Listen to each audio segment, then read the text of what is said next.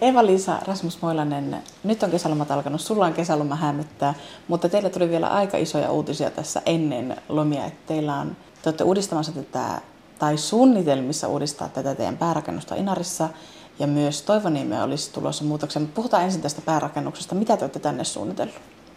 Niin, tämä päärakennus pitää tietysti peruskorjata.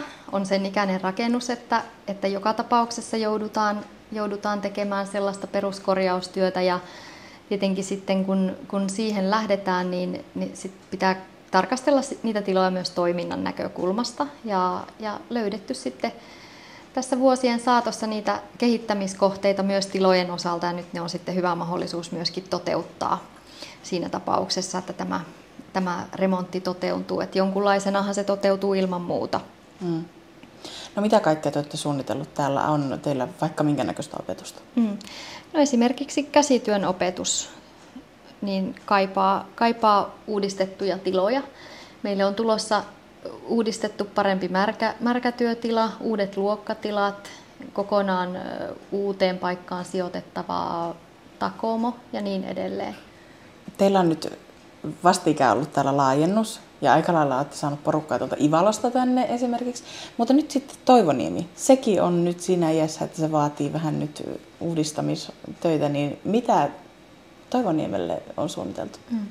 Toivoniemessähän on, on paljon rakennuksia ja, ja tota, myöskin eri ikäisiä rakennuksia ja, ja siellä on, sitä lähdettiin selvittämään, että minkälaisia tarpeita siellä Toivoniemessä on ja, ja tultiin siihen tulokseen, että esimerkiksi teurastamon pitäisi ää, remontoida todella mittavasti ja siinä vaiheessa tietenkin sitten huomattiin, että uuden rakentaminen voi tulla ja tuleekin edullisemmaksi vaihtoehdoksi, niin sitten todettiin, että nyt on tarve tehdä sellainen kokonaissuunnitelma siitä, että mikä on pitkällä aikavälillä viisasta ja järkevää ja, ja taloudellisesti kannattavaa. Ja tehtiin sellainen suunnitelma, että vuoteen 2025 mennessä meidän tilat olisi niin kuin uudistettu siihen malliin, että ne palvelee meitä pitkällä aikavälillä hyvin ja, ja silloin myöskin se tarkoittaa Toivoniemen näkökulmasta sitä, että ne toimitilat siirtyisivät tänne Inaariin. Eli silloin me oltaisiin kaikki, niin kuin koko,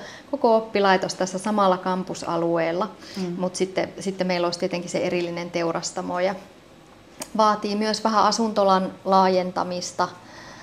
Ja, ja, ja tota, nyt vielä sitten semmoinen semmoinen kiva yksityiskohta on se, että nyt kun me ollaan etätyöskennelty, niin jatkossakin meillä jonkun verran sitä hybridityötä tehdään, että tota, me saamme sitten uudet toimitilat, jos ja kun ne toteutuvat, niin tosi tehokkaaseen, tehokkaaseen käyttöön vielä kaiken lisäksi, että hybridityömallilla mennään tulevaisuudessakin. Mm.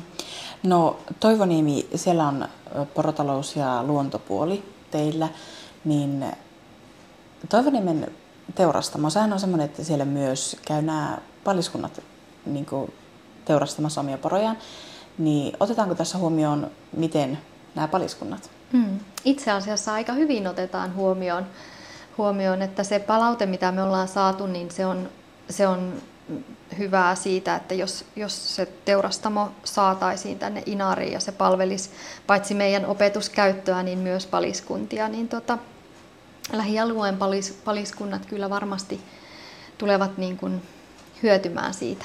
Tähän teurastamahankkeeseen liittyen teillä on ollut jo opintomatka.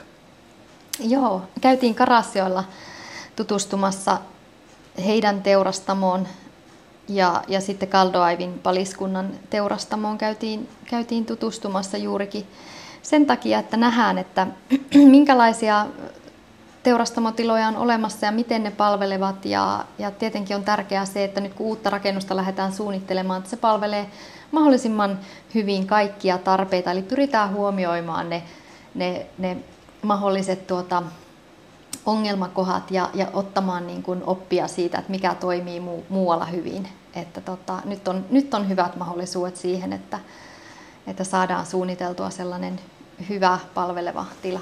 Mm. No, jos ajatellaan sitä, että poroja kun niitä teurastetaan, niin niitä teurastetaan sitten aika paljon kerralla. Niin onko näissä määrissä tulossa mitään muutoksia? Onko vielä tietoa, että kuinka paljon teurastamo tulee vetämään, mm. jos ja kun se tulee?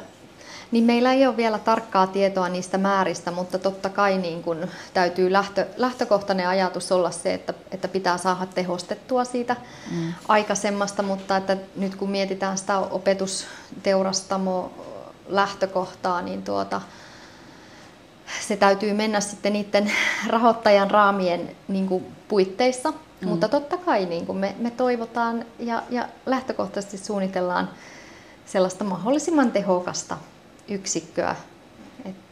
Hmm.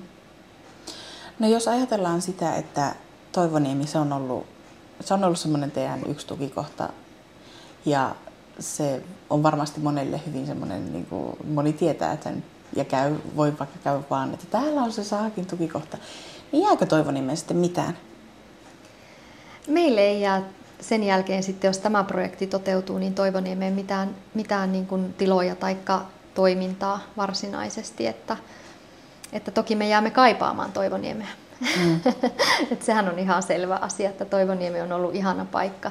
Siinä on omat, omat hyvät puolensa ilman muuta, mutta tuota, niin kun kuitenkin tämä, tämä uuskin ratkaisu tulee palvelemaan erinomaisesti meidän tarpeita ja elinkeinojen kehittämismahdollisuuksia. Mm. No sitten vielä tässä nyt puhutaan tämmöisestä hypoteettisesta, ei ole varmaa tuleeko mitä tapahtuu, mm. niin milloin sitten tiedetään mitä tapahtuu ja, ja millaisessa muodossa? No ihan tarkkoja ää, ajankohtia en niin pysty, pysty sanomaan, mutta että sanotaanko, että alkuvuodesta 2023 niin pitää olla suunnitelmat sillä mallilla varmistettuna, että, että työ pystyy käynnistymään keväällä 2023. Mm. Tilo, tiloja pystytään niin kuin vaiheistamaan sillä tavalla, että kesällä 2023 päästäisiin jo niin kuin tässä pääkoulun puolella rakentelemaan. Mm.